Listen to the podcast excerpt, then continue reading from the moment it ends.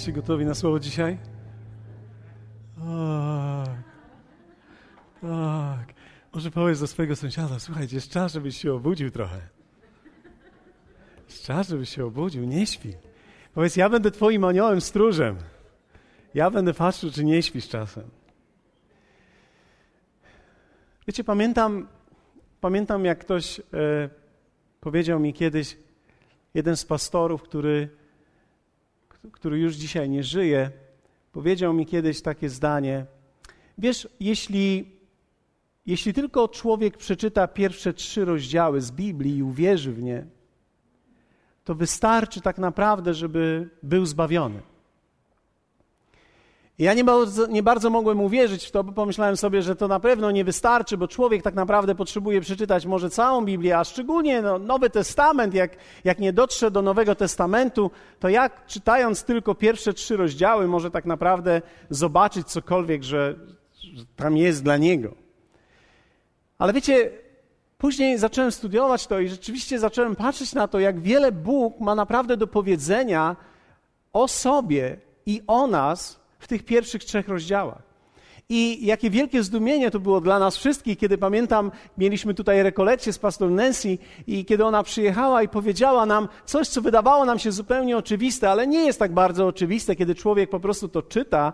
Czasami może nawet pominąć to i zupełnie stać się to taką wiedzą, która gdzieś się tam zaplącze między tymi wszystkimi faktami, tak że nie widzimy do końca tych rzeczy i nie wiemy nawet, co one tak naprawdę do nas mówią. I ten fragment, który chciałbym dzisiaj, e, abyśmy dalej kontynuowali, to co zaczęliśmy w zeszłym tygodniu, jest niesamowity. To jest pierwsza Mojżeszowa, drugi rozdział, werset 7 do 9. Ukształtował Pan Bóg człowieka z prochu ziemi i tchnął w nozdrza jego dech życia. Wtedy stał się człowiek istotą żywą. Potem zasadził Pan Bóg ogród w Edenie na wschodzie.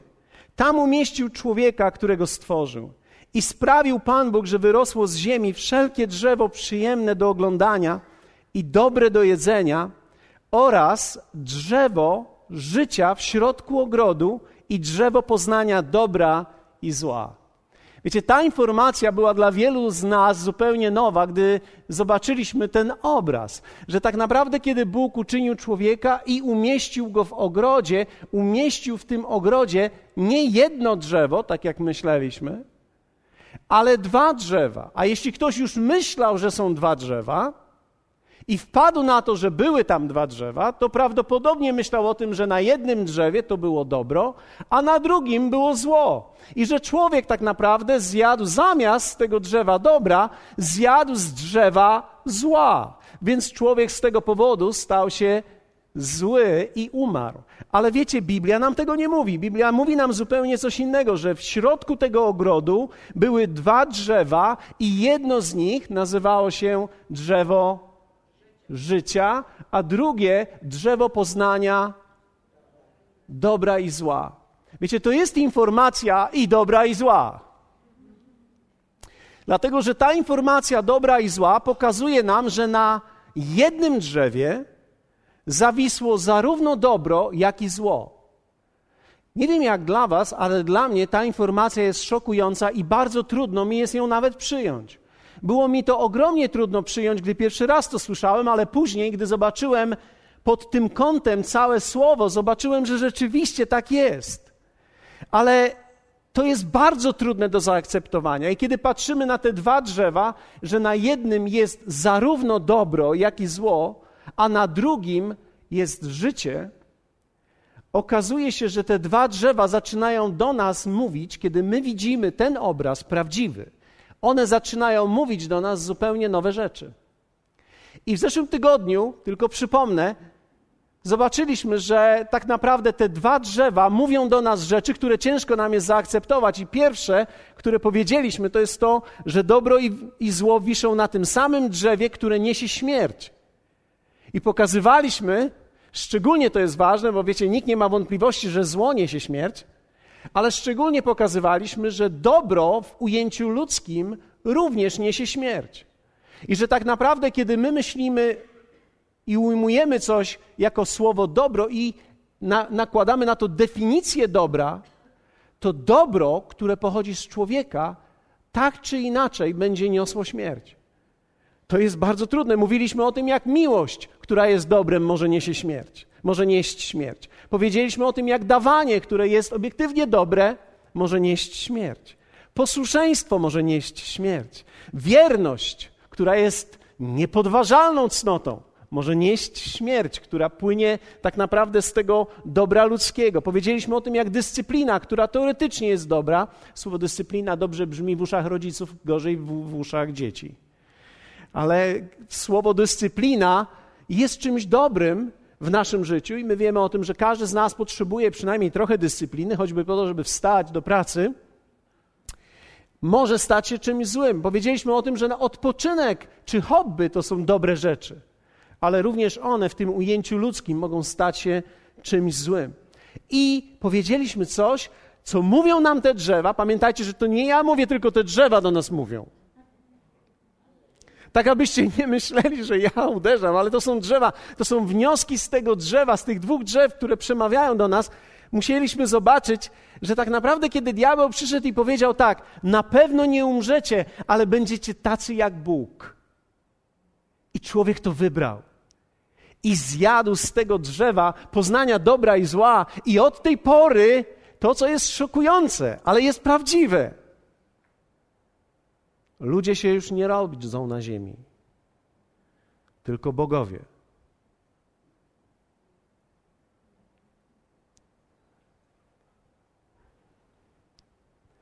Oczywiście diabeł zapomniał dodać, że to nie jest przez duże B tylko że będziecie bogami przez małe by, będziecie bogami dla siebie i będziecie wyznaczać swoje własne dobro. Staniecie się arbitrami tego, co jest dobre i co jest złe, to teraz wy będziecie decydowali, co jest dobre i złe, ponieważ staniecie się bogami dla siebie. Oczywiście, że diabeł nigdy nie pokazał człowiekowi, jak to będzie wyglądało, jaka będzie tego konsekwencja, ale Adam, który był synem, stracił to i stał się Bogiem, siebie samego. Teraz On decydował o tym, co jest dobre. Dlatego dzisiaj bogowie żyją. Bogowie walczą o swoje prawa. Oni ustanawiają warunki rozejmu. Małżeństwo dwóch bogów to jest umiejętność czasami wynegocjowania rozejmu. Dlatego mamy małżeństwa, które śpią oddzielnie, są razem, ale już po 35-40 latach to jest szkoda zachodu, żeby się rozwodzić. Co prawda już nie ma między nami nic, nie kochamy się, po prostu żyjemy razem, ale to byłoby zbyt skomplikowane, bo ja mam pożyczkę, ona ma rentę i ona spłaca moją, a ja jej i tak jesteśmy pokomplikowani, że już niech będzie to. Kupiliśmy sobie, żeby dobrze było, dwie kołdry i, i jakoś żyjemy. A więc co, co to jest takiego? To jest tak naprawdę umiejętność wynegocjowania rozejmu pomiędzy dwoma bogami.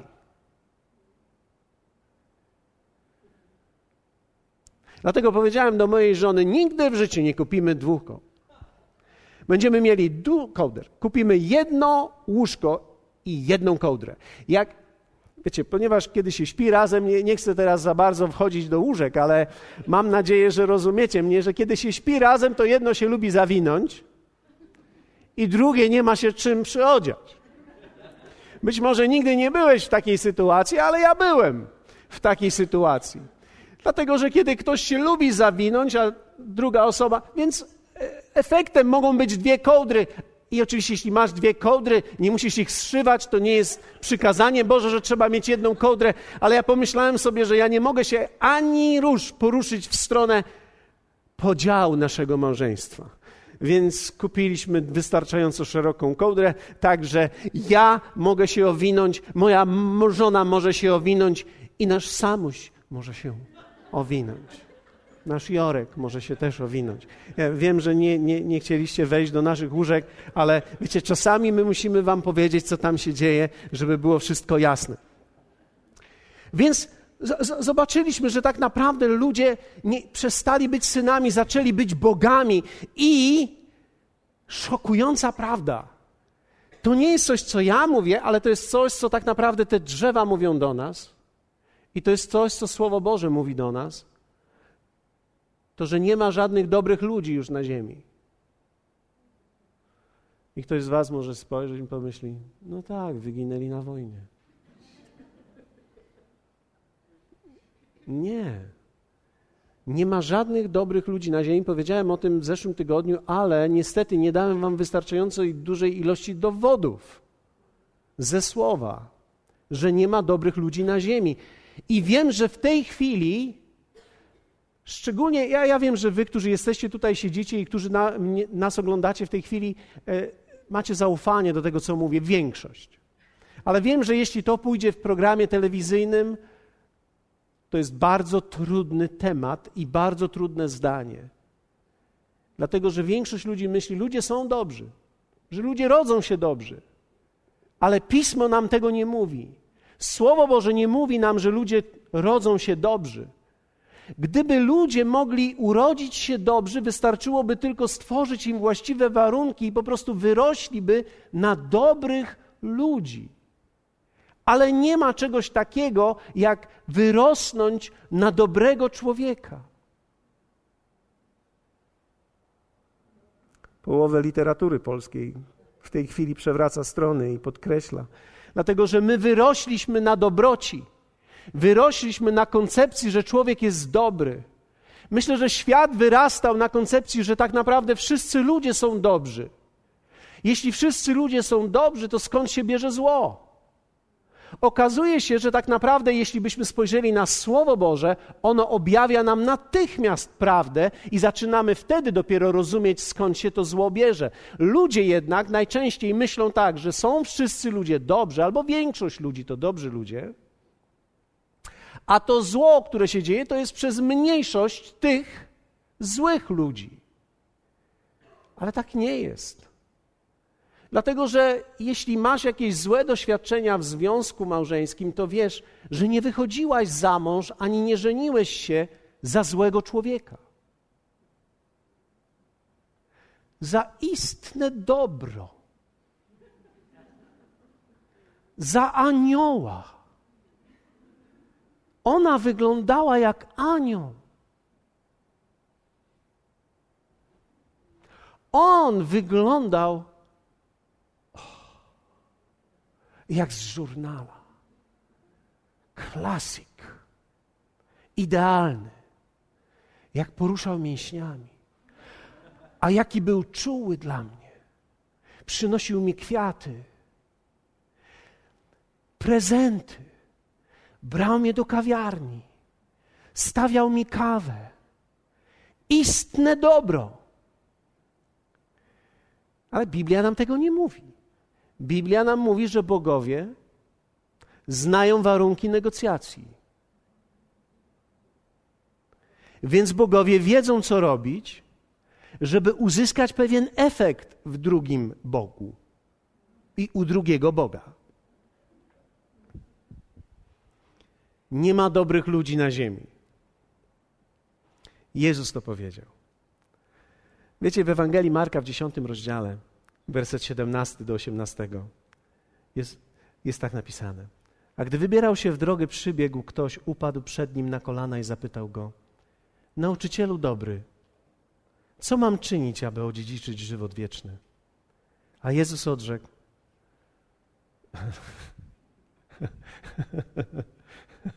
Chciałbym, żebyście to zobaczyli, naprawdę. Naprawdę chcę. Dlatego, że ten tekst pojawia się tak by, jakby zupełnie bez sensu. Czy zauważyliście, że ta odpowiedź Jezusa jest w ogóle tak, jakby się czepiał czegoś, co w ogóle nie jest tematem tego, o, o czym on mówi? Ale Jezus, Jezus głosił pierwsze trzy rozdziały Biblii, bo on je znał dobrze.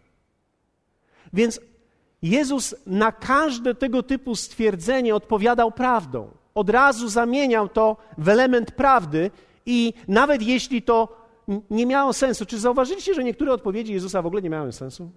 Jakby w związku z tym, o czym oni mówią, za chwilę pokażę wam, że tak jest. Jezus w ogóle mówił tak jakby pod prąd. Ktoś zadaje mu pytanie o fizykę, a on geografią odpowiada. I Najciekawsze jest to, że Jezus w ogóle nie ma z tym problemu. Wiecie, ja bym miał problem, jeżeli ktoś mnie nie rozumie. Ale Jezus rzucał to i w ogóle nie miał problemu, że ktoś go nie rozumie. W zasadzie mówił tak: światło Ducha Świętego może ci oświecić. Ale teraz jesteś w ciemności i nie będziesz tego widział.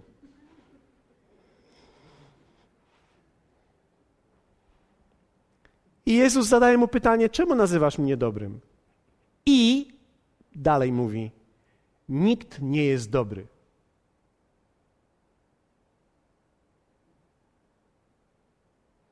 Tylko jeden Bóg. Jezus od razu ustanawia prawdę, w której żył. Nikt nie jest dobry. Tylko Bóg. Powiedzmy razem: nikt nie jest dobry. A jeśli siedzisz obok żony, odwróć się i powiedz: sorry.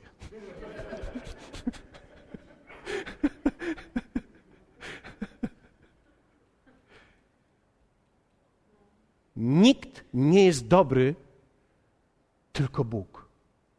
W Ewangelii Łukasza w 11 rozdziale, werset 11 do 13, Jezus mówi tak.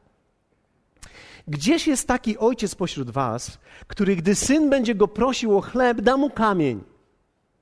Albo gdy będzie go prosił o rybę, da mu zamiast ryby węża. Albo gdy będzie go prosił o jajo, da mu skorpiona. Wielkanoc, więc cytuję to teraz. I, I, Jezus, wiecie, Jezus opowiada o swoim Ojcu i mówi o tym, jacy są ludzie, i mówi o tym, że ludzi stać na dobro. Czyli mówi, że w tych związkach rodzinnych, kiedy jesteśmy, stać nas na element dobra. Nie podważa tego. Ale werset 13 mówi tak. Jeśli więc wy, którzy jesteście źli,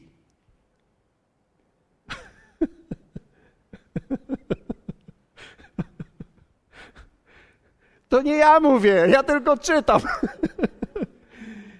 Jezus, wiecie, Jezus miał specyficzną służbę mówienia do ludzi. Stawał przed ludźmi i nie bał się powiedzieć tak: hej, słuchajcie, wszyscy jesteście źli. A jak ktoś do niego podszedł i powiedział, nauczycielu dobry, Jezus mówi, czemu nazywasz mnie dobrym? Nikt nie jest dobry, tylko sam Bóg jest dobry. Czyli Jezus nawet w siebie, w swoim człowieczeństwie nie umieścił jako dobro. Dlatego, że kiedy przyszedł do nas na ziemię, służył nam jako człowiek, syn, a nie jako Bóg.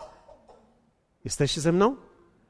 On w pełni jako człowiek służył jako syn. Dlatego też, będąc nawet doskonałym, jako człowiek sam siebie nie uwzględnił jako ten, który jest dobrem, ale wykluczył, się, wykluczył siebie z tego grona i powiedział: Nikt nie jest dobry, tylko Bóg. A z drugiej strony mówi: Wy, choć źli jesteście. Czyli mówi tak: Jesteście źli, ale umiecie dawać dobre dary swoim dzieciom. Umiecie dawać dobre dary, czyli człowieka stać na dobro.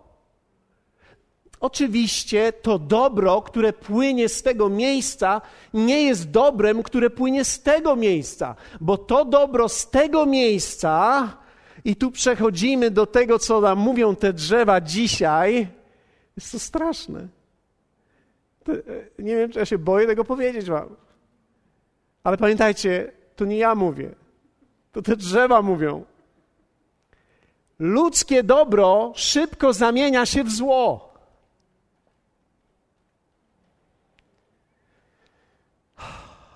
No i tego, tego przykładów mamy mnóstwo. Ludzkie dobro. Jezus powiedział tak: Wy choć źli jesteście, umiecie dawać dobre dary swoim dzieciom. Ale jak wielu z Was wie o tym, że nawet w tym obszarze Ludzkie dobro jest ograniczone. Nawet w tym obszarze człowiek, który wygląda na dobrego, może się zmienić. To wcale nie oznacza, że on pozostanie taki. Wcale nie oznacza, że będzie taki do końca swoich dni. Ludzkie dobro zamienia się często w zło. Ludzka, ludzka możliwość czynienia dobra ma swoje ograniczenia. Zwróciłeś uwagę, że wdzięczność człowieka szybko zamienia się w niewdzięczność? Pierwsza rzecz, którą, która przychodzi mi na myśl. Pamiętacie naród izraelski, jak wyszedł z Egiptu? No, nie pamiętacie, ale pamiętacie tekst z Biblii? Mam nadzieję, że nie pamiętacie. Pamiętacie, jak naród izraelski, czytaliście to w Biblii, jak wyszedł z Egiptu? Kiedy naród izraelski wyszedł z Egiptu i kiedy wojska izraelskie zaczęły za nimi podążać, one weszły do morza i wtedy Mojżesz, który widział lęk ludzi i zobaczył, co się dzieje, że być może będą schwytani, poprosił Boga o interwencję i fala zmiotła wszystkie wojska i byli bezpieczni. I wtedy jest powiedziane, że naród się cieszył, radował, Mojżesz swoją pieśń ułożył, tak zwaną pieśń dziękczynną Mojżesza. I wtedy ludzie śpiewali, ludzie tańczyli i mówili: Wow, Pan niesamowicie wyzwolił swój lud. Wdzięczność. Wdzięczność ta, moi mili Państwo, bracia i siostry. Trwała trzy dni. Całe trzy dni. To znaczy, musimy to, wiecie, widzieć i ująć to we właściwych proporcjach. Czekali na wyzwolenie z Egiptu 400 lat. 400 lat niewoli. I po 400 latach, w zasadzie 30, bo tam niektórzy nawalili i przedłużyli. Jak będziesz dokładny, to zobaczysz, że tak zamiast 400 to 430 lat.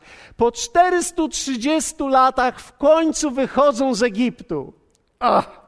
Boją się jak nie wiem co, że zostaną schwytani, bo przez lata byli gnębieni i widzieli potęgę Egiptu. I teraz, kiedy przeszli przez Morze Czerwone, Bóg swoją niesamowitą mocą zgarnia te całe wojska i oni są wolni. I wdzięczność ich trwa, trwa, trwa trzy dni. Całe trzy dni. Ja nie wiem, ile trwała Twoja wdzięczność, ale wiecie, ludzka wdzięczność trwa mniej więcej tyle.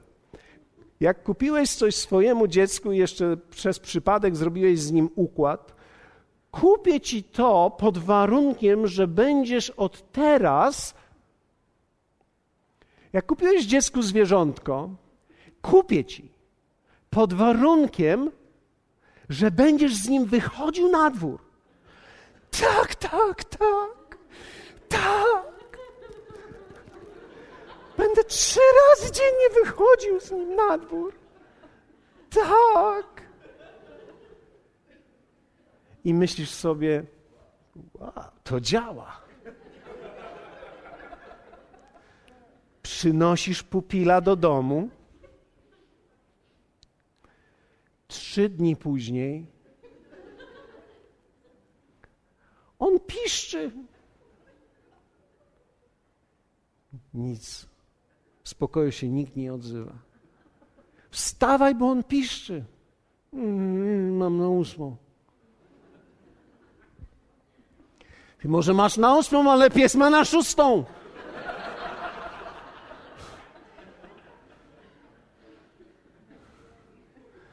I w końcu ty wychodzisz. Myślisz sobie, po co mi to było?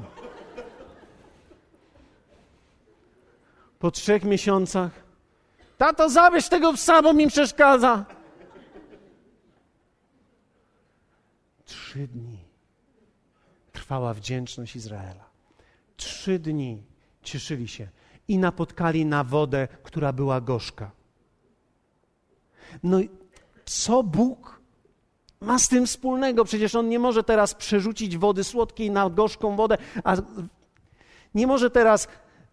Widzi, że lud idzie, no to teraz bałtyckie ze śródziemnym muszę zamienić, bo oni idą. To tak jak ludzie przyjeżdżają nad nasze morze i mówią tak: No wszystko fajnie, tylko woda zimna. Bo widzisz, bo sztuka kąpania w Bałtyku jest taka, że ty musisz najpierw wejść do 13 stopni w tej wodzie. A później, jak ona ma 15, Mówisz, to jest ciepła woda jest. To jest wszystko kwestią proporcji. To, że chrześcijanie jadą nad Morze Bałtyckie, nie oznacza, że Bóg je ze śródziemnym wymieni. No i tak się stało właśnie tam. Po trzech dniach natrafili na gorzką wodę i zaczęli narzekać i mówią, lepiej było w Egipcie. 400 lat, trzy dni wdzięczność. Dlatego, że ludzkie dobro w postaci wdzięczności trwa trzy dni. No, w Twoim wypadku może trzy i pół. A jeśli jesteś naprawdę dobry, to cztery.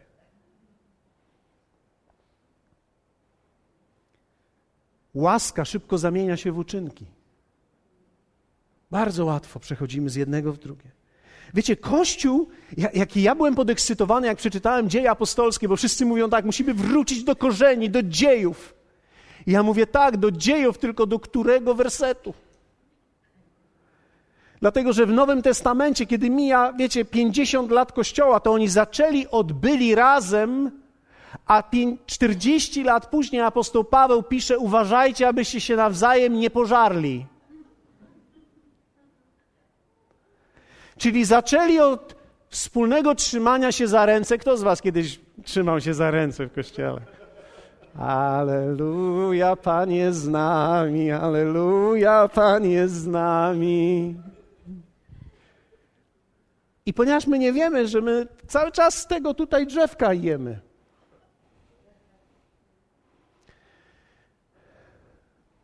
Wy, choć źli jesteście, umiecie śpiewać dobre piosenki w danym momencie, gdy wszystko jest dobrze. Bo to jest na chwilę, wszystko przetrwa, ale wiecie, ludzkie dobro szybko zamienia się w zło. Patrzymy na kościoły w objawieniu i widzimy, dobrze zaczęliście, ale wasz stan teraz jest opłakany. Więc mamy, wszystko dobrze było na początku, ale co się teraz z wami stało? Pamiętacie, jak mówiłem o rozmiarach w zeszłym tygodniu, nie chcę w to wchodzić, ale, ale Piotr zapytał, Panie, jaki rozmiar mam nosić w życiu? Czy aż siódemkę? A wtedy Jezus powiedział: Nie, nie masz nosić rozmiaru numer 7, masz nosić numer 77. Mój Boże, ja myślałem, że ja się naciągnę w tym numerze 7. A Ty mi mówisz, że mam się naciągnąć w życiu aż do 77. Dlaczego? Bo bo na tym drzewie dobra człowiek się naciągnie do siódemki, ale 77 jest możliwe tylko tutaj. Ile razy człowiek może prze, przebaczać z drzewa dobra i zła? No siedem. No i jak powie siedem, to myśli, wow, ale jestem gość. Siedem razy normalnie wybaczyłem mojej żonie. I wtedy Jezus przychodzi i mówi 77. A no to już jest niemożliwe. No bo już, no ja przepraszam, ale na tym drzewku to to 77 nie urośnie. Jesteście za mną? Widzicie to? Jak, to? jak to wygląda? W relacjach jest dokładnie tak samo, że cokolwiek robimy bez Boga i cokolwiek jest dobrem dla ludzi bez Boga, to jest zadłużaniem ludzi. Wiecie, jak, jak możemy zadłużać ludzi? Możemy zadłużać ludzi, czyniąc im dobro. Kochanie, ja ci zrobiłem śniadanko. No dobrze. Cieszę się, dziękuję. No i co? Zrobiłem ci śniadanko. No dobrze, no dziękuję. Jak dziękuję? Jakie dziękuję? Śniadanko ci przecież zrobiłem. No, dziękuję ci za dobre śniadanko, poproszę cię o lepszy obiadek. Jaki obiadek? Nie będzie żadnego obiadku. Wiecie, człowiek czyniąc dobro czasami nieświadomie, podświadomie z tego dobra ludzkiego zadłuża drugiego człowieka. Ja ci, ja ci będę dawał, ale ja cały czas liczę. Tak jak pamiętam, wiecie, my możemy czynić nawet w kościele dobro i zadłużać kościół. I po siedmiu, dziesięciu latach byli ludzie, którzy przychodzili i mówili: Ja tyle dałem z siebie, i co teraz? No i ja teraz nie wiem, no bo jaka jest odpowiedź? Ja rozumiem, że się do maksimum na siódemkę rozciągnąłeś, ale tu nie o siódemkę chodziło. Tu chodziło o, o 77. Nie jesteśmy w stanie z siebie dać z tego drzewa. To jest niesamowite. Ale Jezus idzie dalej. I w Ewangelii Jana Jezus mówi takie słowa. Mówiąc do ludzi, mówi tak: Czy to nie Mojżesz dał wam zakon? A nikt z was nie wypełnia zakonu.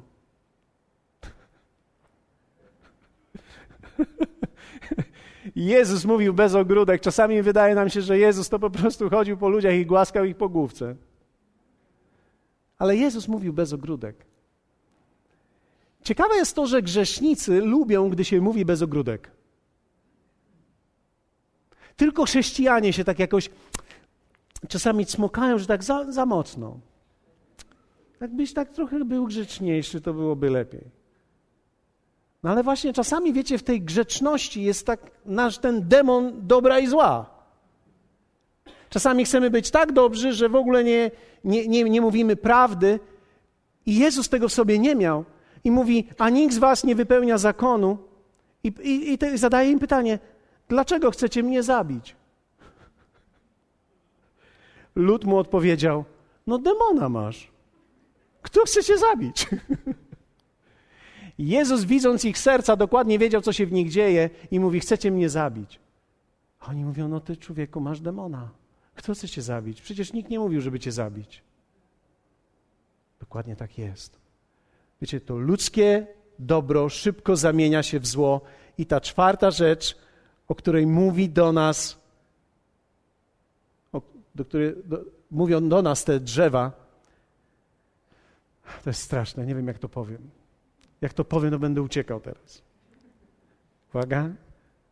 Nigdy nie stanę się dobrym człowiekiem.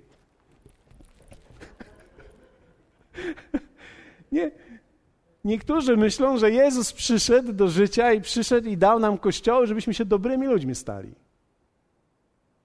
No. To do ciebie jest. Niektóre żony tak.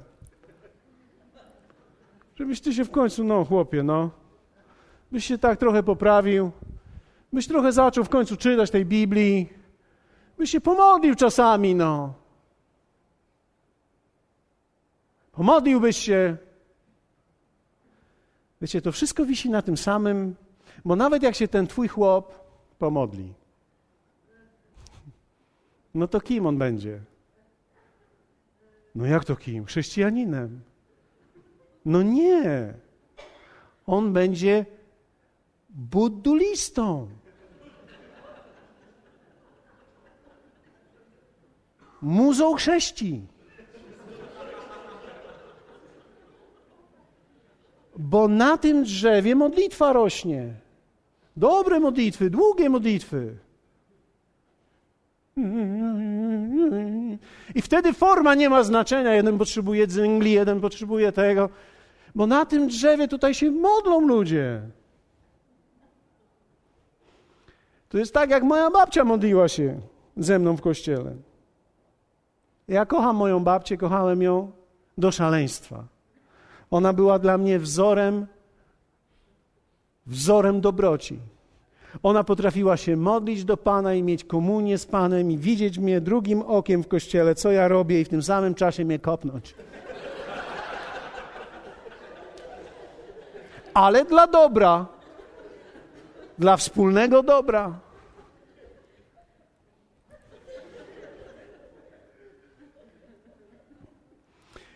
I pamiętam któregoś dnia, któregoś dnia w kościele się tak zapatrzyłem, pomyślałem sobie, no, Jezus jest naprawdę cudowny. I zacząłem się uśmiechać. Moja babcia spojrzała na mnie. Z czego ty się śmiesz? Wiecie, głosem, który jest podgłosem. To jest taki głos w kościele, człowiek się może tego nauczyć.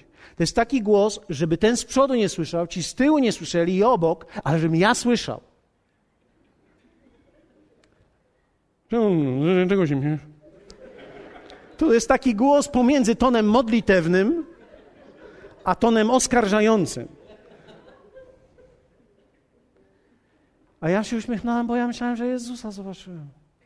Ale nie możesz zobaczyć Jezusa, bo, bo przecież jak zobaczysz Jezusa i się uśmiechniesz, ty musisz, ty musisz zobaczyć Jezusa. Tego na tym dobro dobro musi być w tobie, pamiętaj. Ja wykuję z ciebie wszystkie zło, dobro włożę w ciebie. Chrześcijaństwo to nie ma nic wspólnego z czynieniem dobra z tego drzewa. To jest przyjście do Jezusa, który jest jedynym dobrem, z którego jedyne dobro niezadłużające popłynęło. Ale ja, ja, jeszcze do tego dojdę. Życie to, to jest życie w wierze.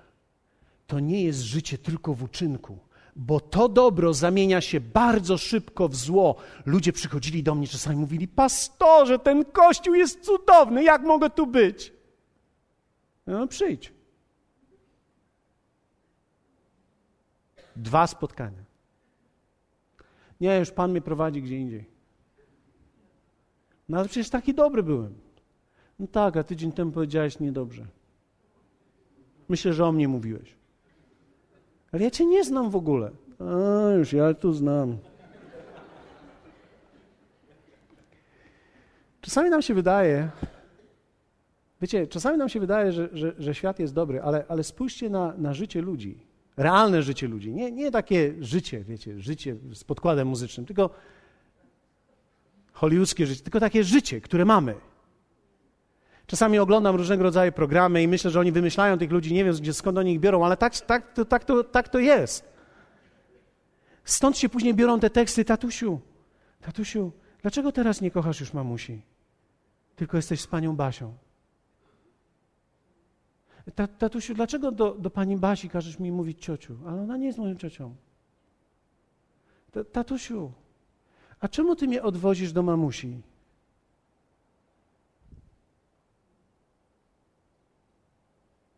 Dla, dlaczego? Bo ludzkie dobro szybko zamienia się w zło. Ludzie, którzy kochali się i, i na, na, swój widok, mimo że tam sto ludzi było pomiędzy nimi, oni tak. Hmm. Później stoją w sądzie siedem lat później i mówią: Ona, ona, wszystko, co mówiła, było kłamstwem. Nie, nie wszystko, co mówiła, było kłamstwem, ona naprawdę w to wierzyła. Tylko to było maksimum dobra. To, co ty mówiłeś, to było też maksimum dobra. Po prostu trzeba przyjść do Jezusa, który jest jedynym dobrem, bo jeśli małżeństwo nie połączy się w przymierzu z Bogiem, gdzie On jest między nimi, On ich nie rozdzieli, On ich dopiero naprawdę połączy. Dlatego, że kiedy ludzie się chcą połączyć i mówią: O, to jest moja połówka, znalazłem moją. Może znalazłeś połówkę, ale to nie ten gatunek znalazłeś. I jak się połączysz, to przez chwilę was obandażują razem i zaczniecie się gryźć.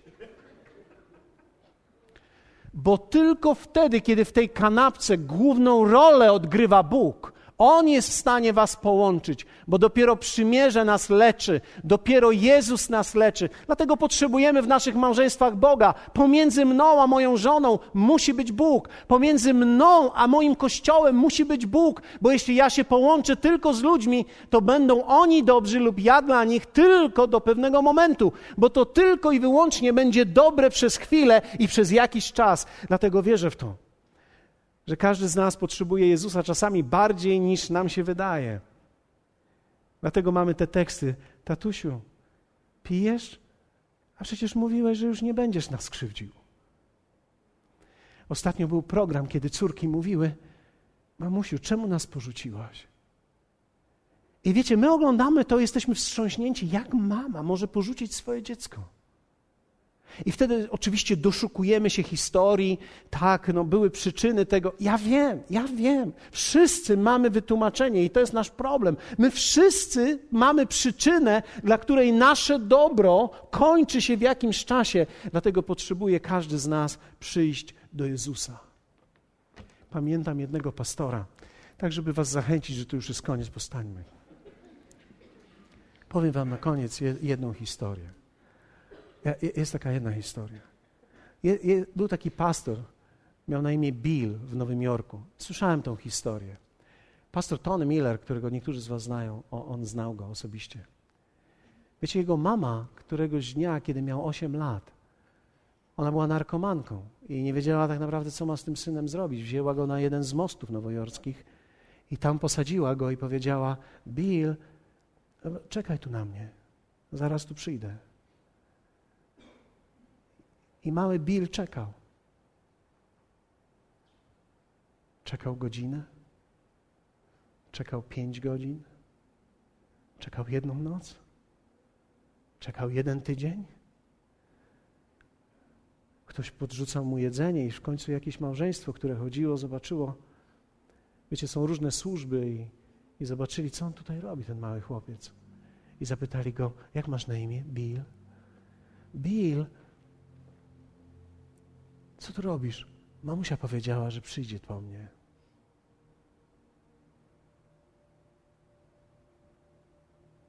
Ktoś może powiedzieć, matka swojemu własnemu dziecku może coś takiego zrobić? Tak. Ja nie mówię, że ty to zrobiłeś czy zrobisz. Ja tylko chciałbym powiedzieć ci, że w nas dobro ma limity i że w sytuacjach drastycznych człowiek, gdy ma wybrać pomiędzy sobą a dzieckiem, bez Boga, wybierze siebie. Wiecie, nie obraźcie się, ja chcę powiedzieć, że wy to robicie. Ja chcę tylko, żebyśmy sobie to wspólnie razem uświadomili.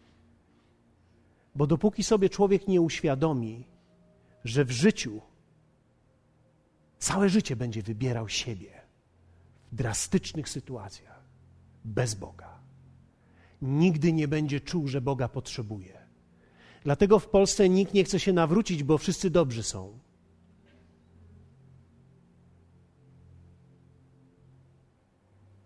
Bo jak dobrzy jesteśmy, to co my potrzebujemy? Przecież ja kocham tą żonę.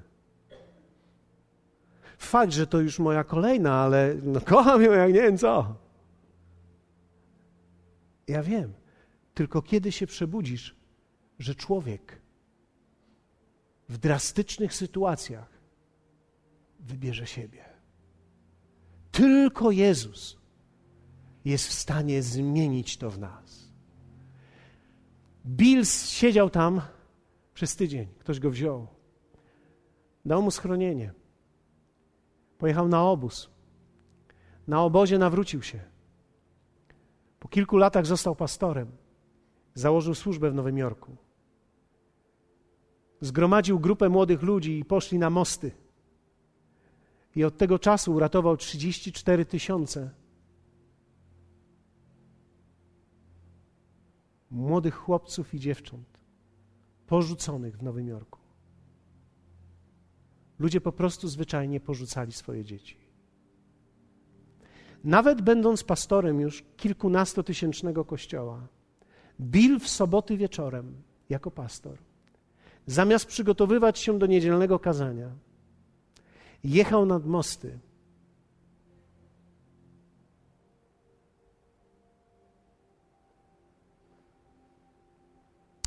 Bo mówi: W życiu nie chodzi o tych tysiące uratowanych, ale być może znajdę jeszcze jednego Billa, który siedzi pod mostem. Być może go znajdę. Bo czasami statystyki nas gubią, bo chodzi o jednego człowieka, którego możemy uratować. Ale człowiek, który czuje się dobry, nigdy nie pójdzie ratować. Ale człowiek, który poznał życie, wie, że życie tylko jest w stanie dać życie. Dobro nie rodzi życia, życie rodzi życie. Dlatego ty dzisiaj możesz zaprosić kogoś na alfę. Bo ci ludzie potrzebują nie dobra, życia. Można siedzieć wygodnie w fotelu i analizować, jak Bóg pobłogosławił moje życie. Ale wiecie, to nie jest błogosławieństwo, kiedy człowiek siedzi w fotelu i analizuje, jak Bóg błogosławił jego życie. Błogosławieństwo jest wtedy, kiedy człowiek z tego fotela z wdzięczności wstaje i szuka kolejnego bila. Bo jeśli ja dostałem życie, to życie za życie. Jestem w stanie wyciągnąć kogoś i pomóc i dać komuś życie. Bo ja jestem tym, który dostał życie. Sam z siebie nie byłem w stanie kochać mojej żony. Sam z siebie nie jestem w stanie poświęcić się dla niej, dla dzieci, dla ludzi. Nie jestem w stanie, ale ten, który we mnie jest, jest w stanie. Dlatego też nadzieją, nadzieją dla świata nie jesteśmy my, ale Chrystus w nas. Dlatego świat nie oczekuje się pokazania dobra na świecie. Świat czeka na synów. Świat czeka, kiedy ty, ja zdecydujemy, że nie będziemy tylko naszego życia poprawiać, ale że przyjdziemy do krzyża i weźmiemy to życie, które jest jedynym życiem i pójdziemy, aby dać życie. Dlatego ja lubię spotykać się z przypadkami czasami trudnymi. Ludźmi, którzy, na których już nikt nie stawia.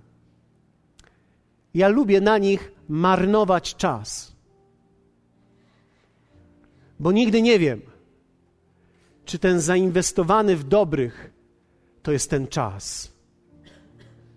Lubię marnować go z tymi, na których już nikt nie liczy. Bo wydaje mi się, że może tam znajdę kogoś, kto będzie w stanie znaleźć życie i pójść dalej z tym życiem. Być może jesteś tutaj dzisiaj. Powiesz, ja jestem zmęczony już tylko swoim dobrem. Chciałbym i potrzebuję Jezusa, który jest życiem. Chciałbym zachęcić Ciebie, abyś teraz podjął decyzję w modlitwie. Będziemy razem modlili się, ale to jest zarówno słowo dla tych, którzy nigdy tego, tej decyzji nie podjęli, jak również dla tych, którzy tą decyzję podjęli. Jeśli nigdy nie podjąłeś decyzji, aby przyjść do drzewa życia, to to jest Twój moment. A jeśli przyszedłeś do tego drzewa życia, a w dalszym ciągu próbowałeś żyć w tym drzewie, to musisz umieć wrócić i powiedzieć: Jezus musi być moim życiem. Nie próbuję mojego życia poprawić. Ja chcę, żeby On popłynął przeze mnie. Pomóc się razem ze mną. Ojcze, przychodzę do Ciebie. I dziękuję Ci za to, że Ty objawiasz mi siebie w swoim słowie. Dziękuję Ci, Jezu, że Ty powiedziałeś, że nikt z nas nie jest dobry, tylko sam Bóg. Dlatego dzisiaj ja nie chcę poprawić swojego życia. Nie chcę żyć życiem wypolerowanym, lekko posklejanym, ale chcę żyć życiem, Twoim życiem. Chcę, aby Jezus płynął przez moje życie. Chcę być tym, który ratuje życie, bo sam został uratowany. Dlatego proszę Ciebie, przyjmij mnie dzisiaj. Daj mi swoje życie. Jeśli nigdy tego nie zrobiłeś, powiedz: Jezu, przyjdź i daj mi swoje życie, zbaw mnie. Daj mi swoje przebaczenie. Nie jestem w stanie wymodlić przebaczenia, jestem w stanie tylko je przyjąć, dlatego stoję przed Tobą i proszę Ciebie, abyś przyszedł do mnie. Przebacz mi. A jeśli zrobiłeś to już wcześniej, powiedz to Panu. Panie, ja nie chcę więcej żyć tylko tym życiem, ale chcę żyć prawdziwym życiem Bożym. Dlatego Jezus, kiedy przyszedł, jest powiedziane, że kiedy On przyszedł, w Nim było życie, a życie było światłością ludzi. On nie przyszedł do nas z dobrem, On przyszedł do nas